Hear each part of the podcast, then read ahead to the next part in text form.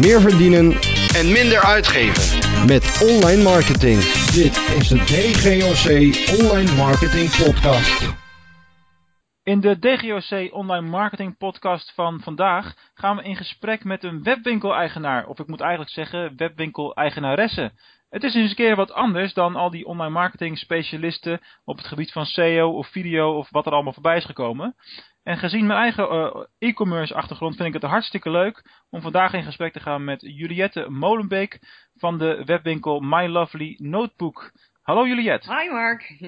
Hi. Leuk dat je eh, mee wilt doen eh, aan de uitzending en dat je mijn, mijn gast wil, wil zijn. Ehm, ja, wij hebben elkaar al leren kennen op het Laserfocus evenement van, van Elke de Boer. Daar had je de, de stand met allemaal prachtige notitieblokken. Eh, daar gaan we straks natuurlijk eh, lekker uitgebreid over, eh, over praten. Volgens mij groeit jouw webwinkel als, als. Ehm, maar voor de mensen die jou nog niet kennen, kun je eens vertellen wie je bent en wat je precies doet. Ja, zeker. Ik ben Juliette Molenbeek. Eh, ik ben 33 jaar en ik woon in Amsterdam. En ik heb eigenlijk altijd al gevoeld dat ik ondernemer wilde worden. Ik ben een doorzetter, ik ben autodidact en creatief in concepten. En ik heb een eh, bedrijf, eh, dat heet My Lovely Company. En daaronder vallen nu eh, twee webshops. mylovelynotebook.nl en ikrouwvanjou.com. Mhm. En ik ben begonnen met ondernemen naast mijn baan als marketeer en projectmanager. En dat is alweer bijna twee jaar geleden. En ongeveer een jaar werk ik nu fulltime aan mijn bedrijf. Oké, nou dat is wel heel tof natuurlijk om die stap te kunnen maken. Ja. Van, hoe, is, hoe is dat gegaan? Want eh, je, ho- je hoort het heel vaak van, van op- ondernemers en met name webwinkel-eigenaren dat ze beginnen naast eh, de fulltime job. Ja. Nou, dat eh, ja, is een heel moeilijke beslissing geweest. Maar op een gegeven moment merkte ik gewoon dat ik ja, mijn eigen bedrijf zoveel leuker vond om aan te werken. Dat de verhouding gewoon niet meer goed was. En dat ik toen heb besloten om te stoppen. Oké. Ja, het is een eh, grote beslissing. Maar eh, ja, het is wel de beste beslissing die ik genomen heb. En hoe kom je dan in godsnaam op het idee om juist notitieboeken te gaan verkopen? Want er zijn er ook eh, wel een hoop spelers eh, in die markt natuurlijk. Nou, eigenlijk helemaal niet zoveel. Dat was niet de reden trouwens. Voornamelijk is de reden dat ik dat mijn passie is, notitieboekjes. Ik, overal waar ik kom, kijk ik ja, in de winkels of eh, in kantoorboekhandels naar notitieboekjes. En ik word er zelf heel erg blij van. Maar ik vond het heel erg moeilijk om mooie exemplaren te vinden. Dus echt een bijzondere. Ehm, en eh, daardoor ja, is het idee een beetje ontstaan eh, om een webshop hierin te, te beginnen. Ik begon met zelf maken en die ging ik op Facebook verkopen. En toen dacht ik, weet je wat, ik ga het nu gewoon professioneel aanpakken. Ik ga inkopen, ik ga eh, me inschrijven bij de Kamer van Koophandel. En ja, en eh, dat is eh, ongeveer twee jaar geleden. En toen is het heel erg snel gegaan en eigenlijk een beetje uit de hand gelopen om het zo maar te zeggen. Nou, het is nog niet uit de hand gelopen. Het is, maar het is wel groeiende. Dus dat. en het, ja, het, het wordt, ik word er gewoon heel blij van. Ik ben gewoon elke dag heel erg blij dat ik dit mag doen. En, eh, maar no- notitieblokken, wat, eh, wat is daar zo eh, anders of bijzonder aan dan? Want ja, ik stel me zo voor, je loopt de HEMA binnen of een andere kantoorboekhandel en je, je- als je boekje vol is, koop je weer eens een nieuwe. Je hebt natuurlijk de bekende grote merken. Ja. Het is allemaal redelijk veel hetzelfde natuurlijk. Wat, wat, maakt, wat maakt het bij jou dan anders? Nou, inderdaad, omdat er zoveel van hetzelfde is, ben ik dus juist een assortiment gaan samenstellen van boekjes die echt onderscheidend zijn. Want ik vind, eh, nou, ik ben eigenlijk persoonlijk van mening dat het notitieboek waarmee je loopt eigenlijk je persoonlijkheid uitstraalt. Dus als jij een zakelijk zwart notitieboek hebt, dan straal je ook zakelijkheid uit. Maar kom je bijvoorbeeld bij een klant met een eh, luxe leren notitieboek, dan straalt dat weer iets anders uit. Eh, En ja, de notitieboeken zijn ook in kwaliteitsverschil. eh, ja, dat, dat merk je gewoon heel erg bij dan de goedkopere. Je hebt eh, mooier papier of het is fairtrade gemaakt. eh, weet je, dat soort dingen. En eh, over persoonlijkheid dan, want eh, weet jij nog welk notitieboek ik bij jou gekocht heb op die stand eh, toen? ja, Dat- was een Lani-boek volgens mij met een rood elastiek. Klopt dat?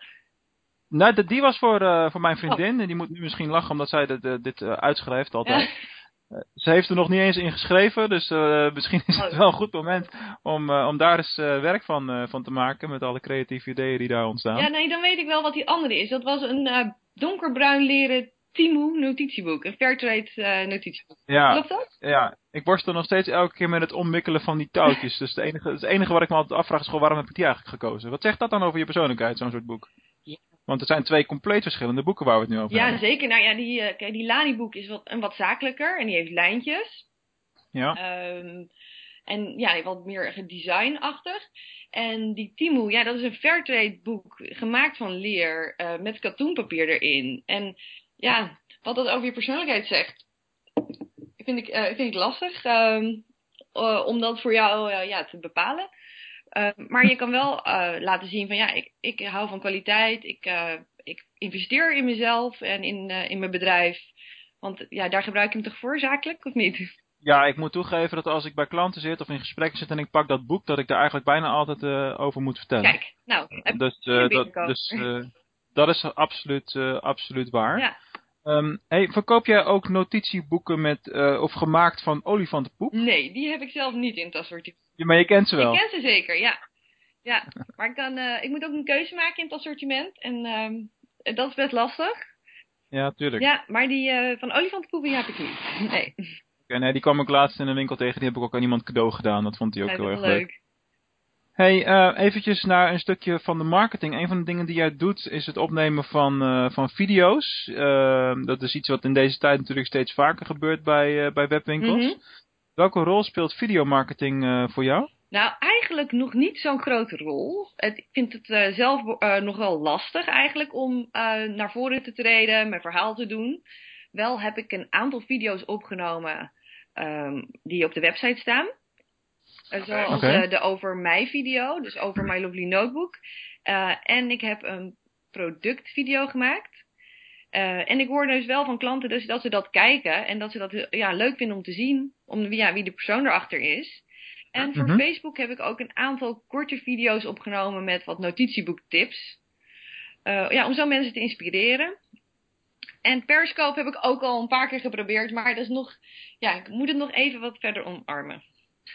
Daar kan ik me wel iets bij voorstellen, want eh, op Periscope moet je natuurlijk direct eh, de conversatie aangaan met mensen. En, eh, eh, en de vraag is dan natuurlijk, je kunt best een paar keer wat notitieboeken boeken laten zien in een Periscope, maar wat moet je gaan vertellen? Wat is dan je onderwerp en dat soort dingen? Precies, dat vind ik zelf dus ook wel lastig. Al kom ik er wel nu gaandeweg achter dat ik eigenlijk ja, ja, best wel veel toch over notitieboeken kan vertellen. Over bijvoorbeeld de merken, de soorten die er zijn. Ehm, maar ook eh, wat je ermee kunt. Want iedereen gebruikt eigenlijk een notitieboek weer op een andere manier. En gebruikt een ander systeem. Of, eh, dus er, er valt wel veel te vertellen. Alleen om daar een hele Periscope uitzending mee te vullen vind ik zelf dan nog wel wat lastig. Ik kan me voorstellen dat je in de toekomst meer gaat kiezen voor productvideo's, eh, die je ook op productpagina's kan plaatsen bijvoorbeeld. En misschien wat minder voor, voor zo'n kanaal als, als Periscope. Ja, Maar dat Periscope is natuurlijk ook een ontzettend eh, hype. Eh, Ik heb het in het begin ook vrij veel gedaan en nu wat, eh, wat minder vaak. Mhm. Doe het nog wel. Maar dat komt natuurlijk ook omdat iedereen wil het zien en proberen. En wat is dit nu weer voor een mooie nieuwe, nieuwe tool? En uiteindelijk is het bij elke business natuurlijk zo, oké, wat voegt deze tool toe aan, aan mijn business aan toegevoegde waarde? Ja. En eh, wat kan ik daarmee? Dus ik kan me wel voorstellen dat je daar niet, niet superveel mee, mee doet. Hey, iets wat je wel veel eh, doet, eh, buiten de, de webwinkel, is dat je ook offline te vinden bent op wat met name volgens mij dan wat grotere evenementen en, en markten. Waarom, waarom kies je voor dat soort aanwezigheid? Nou, eigenlijk is dat ontstaan vanuit zijn waar de doelgroep is. En voor mijn naamsbekendheid. En ik heb ook ervaren vanuit vragen van mensen.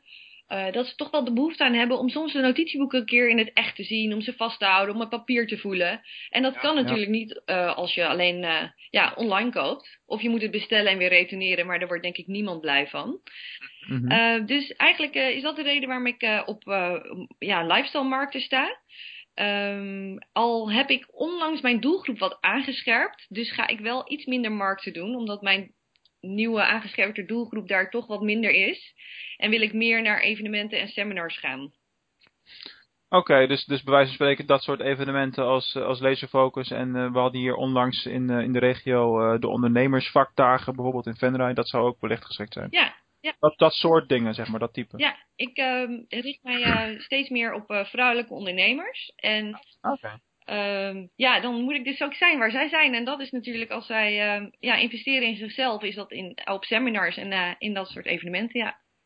Ja, dat is absoluut eh, waar, logisch. eh. maar merk je dan ook dat als je op zo'n evenement staat, dat mensen later ook online bij een webwinkel terugkomen? Want ik denk dat het daar uiteindelijk om gaat. Ja, ik, heb, ik kan het natuurlijk moeilijk hard maken. Maar wat ik vaak doe op zo'n evenement is gewoon zoveel mogelijk kaartjes weggeven. Visitekaartjes. Uh, dus als mensen het mooi vinden, maar op dat moment niet kopen, geef ik ze een kaartje mee. Um, wat ik dan zie, is wel dat bijvoorbeeld de regio waar ik heb gestaan, de traffic uit die regio een beetje toeneemt. Ja. Oké. Okay. Ja. Ja, dat moet je toch stap voor stap opbouwen. Dat kost al, inderdaad enorm veel, uh, veel tijd en, en effort natuurlijk. Ja, en het is lastig meetbaar. Want je weet natuurlijk nooit wie wel op de markt is geweest en wie niet. Nee, maar daar hoef je denk ik ook niet al te veel uh, druk om te maken. Want ik had laatst een, een aanvraag voor een, voor een gesprek. En dat was iemand, daarvan had de vrouw ooit mijn boek gekregen via een relatie van mij. En dan uh, uiteindelijk een jaar later is dat door, of een half jaar later doorgegeven aan de man. En die had dan een webwinkel en die wilde dan een afspraak. Dus je weet het toch niet. Gewoon blijven zaaien. Nee, precies. Ik, uh, dat is ook wat ik doe. Veel zaaien. Ja. Precies. Hey, en uh, het uh, runnen van een webwinkel, dat is iets met heel veel vallen en opstaan. En heel veel dingen waar je van tevoren misschien niet aan, gedacht hebt. Uh, ik weet dat zelf natuurlijk ook met mijn webwinkelgeschiedenis van de laatste 10, 15 jaar. Wat is voor jou tot nu toe de grootste uitdaging geweest binnen het runnen van, van een webwinkel? Um, de grootste uitdaging is eigenlijk dat het heel erg veel werk is. Ik uh, deed het eerst dus naast mijn werk erbij. En uh, nu doe ik het fulltime. Maar het vult ook gewoon echt mijn, mijn werkweek, om zo maar te zeggen. Ja, ik ben best wel perfectionistisch, dus ik wil ook gewoon dat alles goed gebeurt. Um, maar het is gewoon ook heel veel wat er moet gebeuren. Qua, ja, het is strategie, het is logistiek, het is inkopen, het is administratie. Het is, het is eigenlijk alle facetten. En dat schakelen ertussen is best wel lastig. Ja. Um, dus ja, je doet eigenlijk alles zelf. Omdat je als uh, ja, beginnende webshop-eigenaar heb je niet uh, de luxe van personeel. uh, nee, dat klopt. Ja, dus dat is lastig. Maar ik hoop wel um, spoedig een personeelslid of stagiaire in te schakelen. Ja, nee, dat, daar kan ik me wel uh, iets voor voorstellen. Dus, dus de grootste uitdaging is gewoon de, de enorme hoeveelheid uh, werk en de, de, enorme hoeveelheid aan uren die erin gaan, uh, gaan zitten. Ja, en voornamelijk um, bij het, het, werken in mijn bedrijf in plaats van aan mijn bedrijf, om zo maar te zeggen. Ja, dat is natuurlijk inderdaad iets wat vaak genoemd wordt. Dus ook op die seminars de, ja. roepen de goeroes dat natuurlijk de hele tijd. Ja, ik merk dat de creativiteit wat minder vloeit als ik gewoon heel veel bezig ben met het, ja, met het, gewoon het volgen van het proces en het inpakken van de bestellingen. Ja, dat is dan toch, uh, ja... Ja, dan ben je heel praktisch heel bezig praktisch, natuurlijk. ja, absoluut. Maar stiekem is dat ook gewoon leuk werk. Ja, is hartstikke leuk. ik, weet het, ik weet het zelf ook al. Ik was twee, drie jaar geleden ook nog luisterboeken aan het inpakken toen ik die nog fysiek uh, verkocht. Vond ik hartstikke leuk. Ja, het is echt uh, superleuk om te doen en uh, dat maakt het ook wel zo lastig. Maar om gewoon af en toe jezelf een cadeautje te geven om naar een seminar te gaan of een dag vrij te nemen om gewoon echt... Naar een, naar een seminar gaan, dat zie je als een cadeautje aan jezelf? Ja, ja ik denk, vind okay. het als een investering in mij als ondernemer. Ik word verplicht uit mijn business getrokken. Dat is waar. Dat is waar. Uh, en ga werken aan mijn business. En ik kom weer echt met nieuwe ideeën weer terug. Dus ik zie dat eigenlijk echt als een cadeautje. Oké. Okay. Okay. Hey, en onlangs ben je ook met een, uh, met een tweede webwinkel gestart. Je noemde hem al, uh, al even aan het begin van het gesprek. Ja. Uh, ik denk dat, dat, dat, die, dat die nog wat minder bekend is als de, de notitieboekwinkel. Kun je daar iets over vertellen? Ja, zeker. Um, dat gaat over ikrouwvanjou.com. Um, naast My Lovely Notebook wilde ik eigenlijk uh, nog iets doen. Want ik had, heb eigenlijk de ambitie om van mijn bedrijf uh, een groot bedrijf te maken met meerdere webshops. Uh, ik ben uh, met een vriendin gaan brainstormen. Om te kijken van ja, wat kan ik dan doen? En ik wilde al heel lang iets met lifestyle producten of ja, home en living producten en cadeaus doen. Alleen daar zijn er al zoveel van. En je kan je niet echt onderscheiden in de markt. Mm -hmm. En ik wilde ook weer een niche. Want ja, ik heb natuurlijk wel weer geleerd van mijn webshop.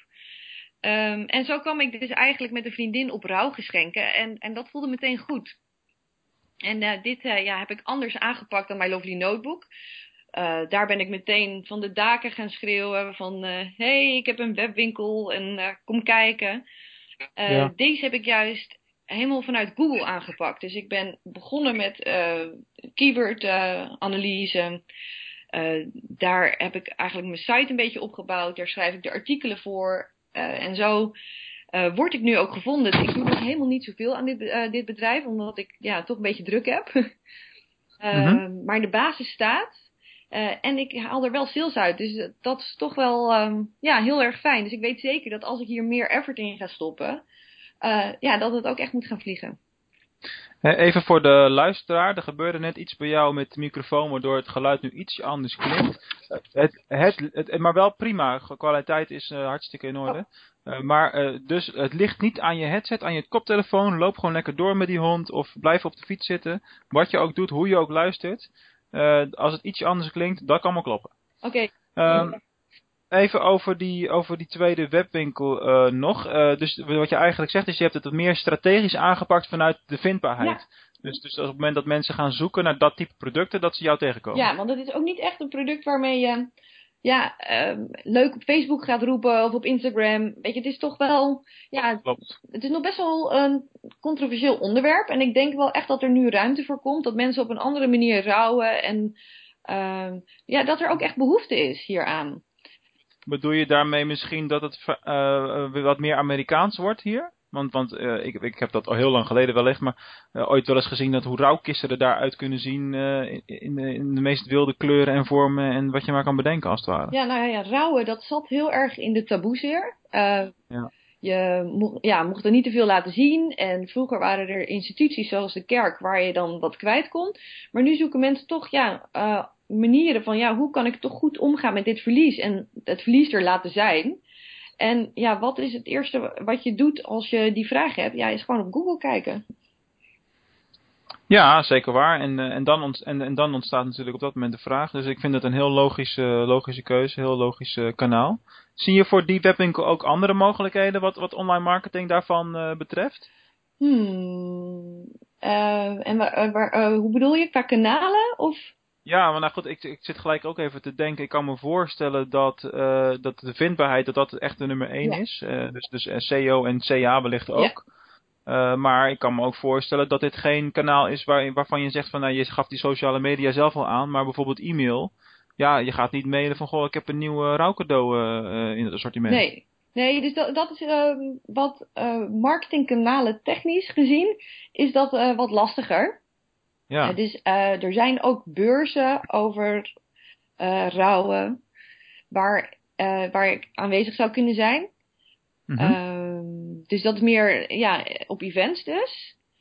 Maar dat is misschien meer B2B. Ja, en ik denk ook dat er wel een markt ligt voor coaches, voor mensen die mensen begeleiden of psychologen. Oké. Okay. dus ook wel vanuit de kleinzakelijke markten zie ik wel mogelijkheden. Oké. Okay. Nou, spa spannende, spannende tweede onderneming of tweede shop zo, ja. uh, zo in, in, die boom. En uh, uh, goed om, die, om, dat, om dat verhaal van die visie te horen van oké, okay, je bent eigenlijk een boomstructuur aan het creëren en om de zoveel tijd kan er best wel eens een nieuwe shop bij gaan, gaan komen. Ja, en dan voornamelijk gericht op, ja, op niches. Ja, ja, tuurlijk. Ja. Daar, daar is de ruimte nu nog te vinden. Ja, ja ik vind okay. zelf ook heel leuk. Hey, als we weer eens uh, naar de, de, de hoofdshop uh, van dit moment zeg maar, kijken, dus de, de notebooks. Ja. Uh, welke online marketingmiddelen zet je daar bewust wel in en welke ook juist niet? Ja, even denken hoor, want bewust zet ik SEO in. Ik ben heel erg bezig altijd met de tekst optimaliseren. Of als ik een product online zet, dat ik meteen een goede tekst erbij heb. Mm -hmm. um, AdWords doe ik. Facebook is een belangrijk uh, kanaal eigenlijk. Orga organisch of, of ads? Uh, eigenlijk allebei. Maar ik probeer natuurlijk zoveel mogelijk organisch. Uh, maar ja, ja, je zal toch, om meer bereik te krijgen, moet je sommige dingen toch een beetje aanjagen. Ja. Dat is ook wat ik doe. Ja. En daarbij doe ik bijvoorbeeld op Facebook ook mee aan challenges. vaak geef ik een, bij een challenge geven ze vaak cadeautjes weg. En een notitieboek is heel vaak een goed cadeau. Uh, en dat is Ja. precies waar mijn doelgroep is. Dus, uh, ja, vrouwelijke ondernemers. Dus uh, ja, dat is eigenlijk een uh, ja, marketingmiddel wat ik inzet. Ben ik uh, op Favorites. Dat is een verzamelwebsite van allemaal ja, leuke webshops. Daar ben ik ook. En daar komen, komen ook dus uh, ja, komt traffic vandaan. Ja, klopt. Dat is zeker een mooi kanaal. Ja, en ik sta dus op events zoals we het eerder al besproken. Oké, okay, dat zijn best een hoop, uh, hoop middelen. Zijn er ook dingen die, uh, die je mijt? Uh, nou, bijvoorbeeld Snapchat. Oh ja. dat doe ik niet. Ik weet, je kan niet overal in meegaan. En Instagram deed ik wel, maar het is onwijs veel werk en het publiek is toch wat jonger. En zeker nu ik mijn doelgroep wat meer aangescherpt heb, is Instagram voor mij eigenlijk niet meer een, een, een, belangrijk kanaal. Um, okay. Periscope, zoals we net aanhaak, uh, aanhaalden, ja, heb ik even van geproefd, maar is inderdaad voor mij niet het kanaal om te gaan zenden. Mm -hmm. En een andere belangrijke is uh, kortingscode. Die zet ik bewust niet in. Maar je hebt waarschijnlijk in je webshop systeem wel uh, een kortingscodeveld per tegen aangelopen, denk ik dan. Ja, die heb ik er eigenlijk uh, in gehad. En uh, toen ben ik een keertje ja, in Google mijn, mijn webshopnaam gaan intoetsen, My Lovely Notebook. En toen zag ik opeens staan als tweede optie, My Lovely Notebook kortingscode. En toen dacht ik, ah. wat? en toen dacht ik, ja, het is ook heel logisch. Elke barrière die je in het afrekenproces hebt, is er eentje waardoor mensen kunnen afhaken. Ja. dus als mensen dan um, ja, zien tijdens het afrekenen, hey, kortingscode, die heb ik niet. Oh, even zoeken en je bent ze kwijt. Ja, zeker waar. Dus toen ben ik gaan uitzoeken of ik dat uit kon zetten. Dat was dus heel simpel. En sindsdien doe ik eigenlijk geen kortingscodes meer. En ik merk dat, uh, dat ik daardoor wel meer verkoop. Ja, maar je zit natuurlijk ook in, uh, met je producten in een markt waar, uh, waar niet iedereen dezelfde producten heeft als die jij hebt. Ja, dus je moet het van andere dingen hebben als van de laagste prijs. Klopt. Weet je, bij mij koop je een notitieboek als je wil investeren in jezelf, als je van kwaliteit houdt. En ik vind de kwaliteit en korting vind ik niet helemaal goed samengaan.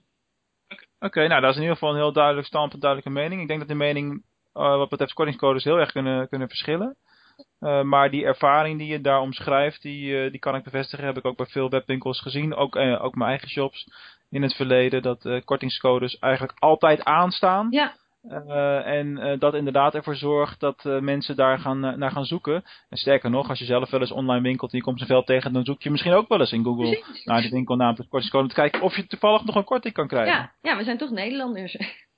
Ja, precies. En, en als ondernemer snijdt voor jou natuurlijk het mes dan twee keer uh, negatief. Want ten eerste geef je korting. Ja. En wat ook nog vaak het geval is, als je bij een affiliate netwerk zit aangesloten, wordt die kortingscode geplukt van een website die een aansluiting met jou heeft als affiliate. En moet je ook nog commissie betalen. Ah, kijk, ja, ik, ben geen, ik heb geen affiliate netwerk. Dus uh, wat dat betreft, maar ik snap, ik snap je punt. Dat is uh, inderdaad... Ja. dat, bij veel webwinkels is dat wel, wel het geval, inderdaad. Ja, nou, daar heb je dus helemaal niks aan. Uh, niet wat dat betreft, het cannibaliseert. Ja. De, de oplossing die ik me kan voorstellen, die voor veel webwinkels denk ik wel relevant kan, uh, kan zijn, is uh, een kortingscodeveld alleen tonen op het moment dat je een actie aan het draaien bent. Dus je bijvoorbeeld zegt, nou in die en die week hebben we een actie met een kortingscode, dan staat het aan. Ja. Na die week gaat het veld ook gelijk weer uit. Precies, ja. Dat is ook hoe ik hem dan nu nog wel eens inzet. Maar voornamelijk staat hij dus echt uit, met een paar uitzonderingen dan. Als je weet dat het voor een specifieke periode is dan uh, durf ik het nog wel aan. Ja, precies. Ja. Hey, en um, uh, eventjes naar de sociale media kanalen. We hadden het over Facebook en uh, Instagram, maar er zijn er natuurlijk nog meer. Ja. wat doet een kanaal als Pinterest voor jouw business en, en ben je ook actief op Twitter? nou, Pinterest, daar doe ik eigenlijk niet heel actief iets mee. Ik heb daar allemaal borden aangemaakt en ik vul één keer in de zoveel tijd, zet ik daar nieuwe producten op. En okay. het grappige is wel dat ik daar traffic vandaan zie komen en soms ook sales.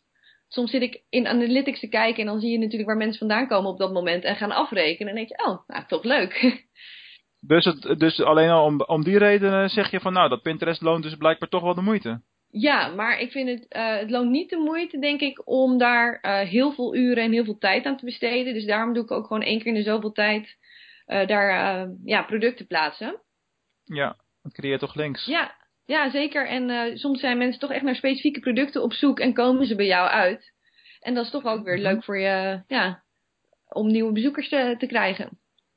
Per definitie. En, en Twitter? Ja, Twitter, dat vind ik een lastige. Uh, ik, uh, ik doe het wel. Ik post dagelijks op Twitter. Andere berichten dan ik op bijvoorbeeld op Facebook post.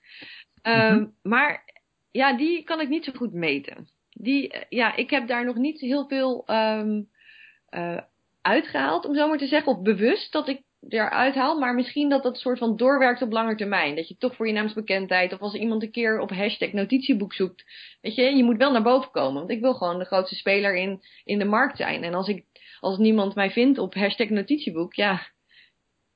Ja, het, het, is maar net, Het is maar net hoe je het in wil zetten. Het zijn natuurlijk vele wegen naar Rome. En je kunt wat dat betreft beter een paar kanalen heel erg goed doen. En dan opschalen als dat je ze allemaal een beetje doet. Ja, dat is waar. Maar goed, als je mij helemaal niet vindt bij hashtag notitieboek, dat vind ik dan toch wel een beetje jammer. Ja, dus, dus, dus wel actief, maar nog niet op, op grote schaal daarop inzetten, zou ik maar nee, zeggen. nee, ik, uh, ik plan eigenlijk gewoon via Buffer mijn berichten daarin uh, vooruit. Zodat ik eigenlijk één keer in de week uh, met Twitter bezig ben, om zo maar te zeggen. Uh, die tool hoor ik vaak voorbij komen de laatste tijd, Buffer. Voor de mensen die dat niet weten, kun je uitleggen wat Buffer is? Ja, Buffer app heet het volgens mij officieel. Is een uh, plan tool voor social media. Je kan voor je Google+, Twitter, Facebook uh, en LinkedIn daar berichtjes klaarzetten. En met een gratis account kun je er 10 klaarzetten. En je kan zelf kiezen wanneer ze gescheduled worden. Dus wanneer ze gepost worden. En hoe vaak per dag. Uh, en dat is heel handig, want om elke keer maar te bedenken van... oeh, ik wil nu iets posten en... Uh, ja, het is gewoon niet effectief en niet productief. Het is gewoon veel productiever om in één keer 10 berichten klaar te zetten. Zeker weten. Uh, voor je tijd. En het fijne is dat je er ook niet naar om hoeft te kijken. En op mijn telefoon krijg ik wel een, eh, een berichtje als iemand gereageerd heeft. En dan ga ik daar natuurlijk wel de conversatie in aan. Dat Ja. plannen laat ik lekker los. Al doe ik Facebook trouwens niet via Buffer app. Omdat ik wel begrepen heb is dat die berichten minder getoond worden. Dus die kun je wel het beste via Facebook uh, plannen. Ja, dat, dat, uh, daar heb ik helemaal niks aan toe te voegen. Dat is ook precies uh, wat ik zou, uh, zou adviseren aan mijn klanten. Omdat je in Facebook zelf simpelweg ook kunt, kunt plannen. In tegenstelling tot bijvoorbeeld bij, bij Twitter en LinkedIn. Hoewel het bij Twitter wel schijnt te kunnen, maar dat heb ik nog niet, nog niet onderzocht verder. Oh, nee, ik ook niet. Maar ik vind het wel handig dat het in één, in één systeem een beetje kan. Ja, kortom, Buffer, als ik het zo hoor, laat zich enigszins vergelijken met een, een Hootsuite bijvoorbeeld. Ja. Uh, en, uh, en, en, wij maken zelf ook gebruik van Manage Flitter, dan met dat specifiek iets voor Twitter. Okay. Um, even naar uh, de twee vragen die, die ik iedereen stel richting het eind van het interview. Ehm, dat is om een beetje wat vastigheid te creëren in de uitzendingen, zeg maar. je hebt ze van tevoren gezien, dus je hebt er ook even over na kunnen denken. Ja. Uh, je hebt, uh, als ik zo naar jou luister, wel al wat aardige, al wat plannen naar de toekomst met meer webshops en dat soort dingen. als je wat verder vooruit kijkt, waar zie jij jezelf en je organisatie over vijf jaar staan? Ja, My Lovely Company is voor mij dan een bedrijf met meerdere webshops in diverse niche-markten, zoals ik dus net al aangaf. met een fysiek kantoor en misschien zelfs nog een fysieke winkel. Okay. Um, ja, met personeel en een grote naamsbekendheid. Dus dat is eigenlijk waar ik uh, heel hard naartoe werk. Kijk, dat, uh, dat is een serieuze ambitie. Ja, zeker. Tof. En uh, tot slot, jij doet natuurlijk voor je webwinkel elke dag hartstikke veel aan, aan online marketing. Ja. En er zijn bepaalde dingen die voor jou heel goed werken en, en dingen die misschien minder goed werken. Um, wat zouden de luisteraars moeten doen om hun succes te vergroten? Kortom, wat is jouw gouden online marketing tip? Ja, mijn gouden tip is echt vanuit eigen ervaring. Uh, en dat is om jezelf zichtbaar te maken. Ik vond dat zelf echt heel erg spannend, maar het heeft mij heel veel gebracht. Want ik dacht altijd, ik heb de ambitie om te groeien als professioneel bedrijf. En ik wil niet dat mensen weten dat ik deze webshop uh, vanuit huis run. Uh, ik krijg daar toch een beetje een hobbygevoel van. Ja, dat kan me voorstellen. Ja, dus ik heb altijd gekozen om mijn logo te gebruiken als profielfoto. Maar sinds kort heb ik toch uh, de switch gemaakt om te laten zien van wie zit er nou achter dit bedrijf. Uh, mm -hmm. Want mensen willen dat weten. En uh, dat is ook waar wij het verschil kunnen maken als kleine webondernemers. met de grote jongens zoals de bol.com. Weet je, wij kunnen laten zien wie we zijn, wat onze passie is en waarom we dit doen. Mm -hmm. dus ik heb um, ja, mijn logo vervangen door mijn persoonlijke foto. Uh, en ik merk echt dat dat uh, werkt. Dat ik veel meer uh, ja, reacties en in, ja, conversaties heb eigenlijk op Facebook bijvoorbeeld. Mensen okay. zien toch echt dat er een persoon achter zit. En um, waar ik ook veel tijd aan besteed heb, is de Over Mij pagina. Mm -hmm. want die wordt echt heel erg veel gelezen. Veel mensen die in het bestelproces zitten, My Lovely Notebook nog niet kennen, omdat ze misschien via Google zijn gekomen. En dan ja, willen ze toch even iets meer weten. Dus dan, dan lezen ze wel over mij. En ik krijg daar ook heel veel leuke reacties op. Dus mijn gouden advies is... verschuil je niet achter je logo, maar maak je zichtbaar. Oké, okay, ja, dat is een heel duidelijk verhaal. En iets wat je inderdaad uh, steeds vaker ziet tegenwoordig. Mensen doen zaken met mensen. Ja. En uh, uh, je bent uiteindelijk bijna zelf het product wat verkocht wordt. En uh, wat uiteindelijk je dienst of product is, is, is bijna secundair aan het worden in veel marketing situaties. Ja, dus ook de gunfactor uh, een beetje, hè? Ja, absoluut. Dat is, uh, dat is zeker waar. Hey, ik vond het een, ik vond het een heel tof gesprek. Weer veel nieuwe inzichten opgedaan. ik denk dat ik zeker vaker met webwinkel-eigenaren in gesprek zou gaan bij toekomstige interviews. Want die hebben altijd ook een heleboel waardevolle dingen te vertellen. Dus ik wil jou graag van harte bedanken. Ja, graag gedaan. Ik vond het ook heel erg leuk. Tof. Uh, en uh, ja, luisteraars, dat was het weer voor deze keer. En uh, de volgende keer hebben we natuurlijk weer een, een nieuwe gast. Dus tot zover de online marketing podcast van vandaag. En tot ziens.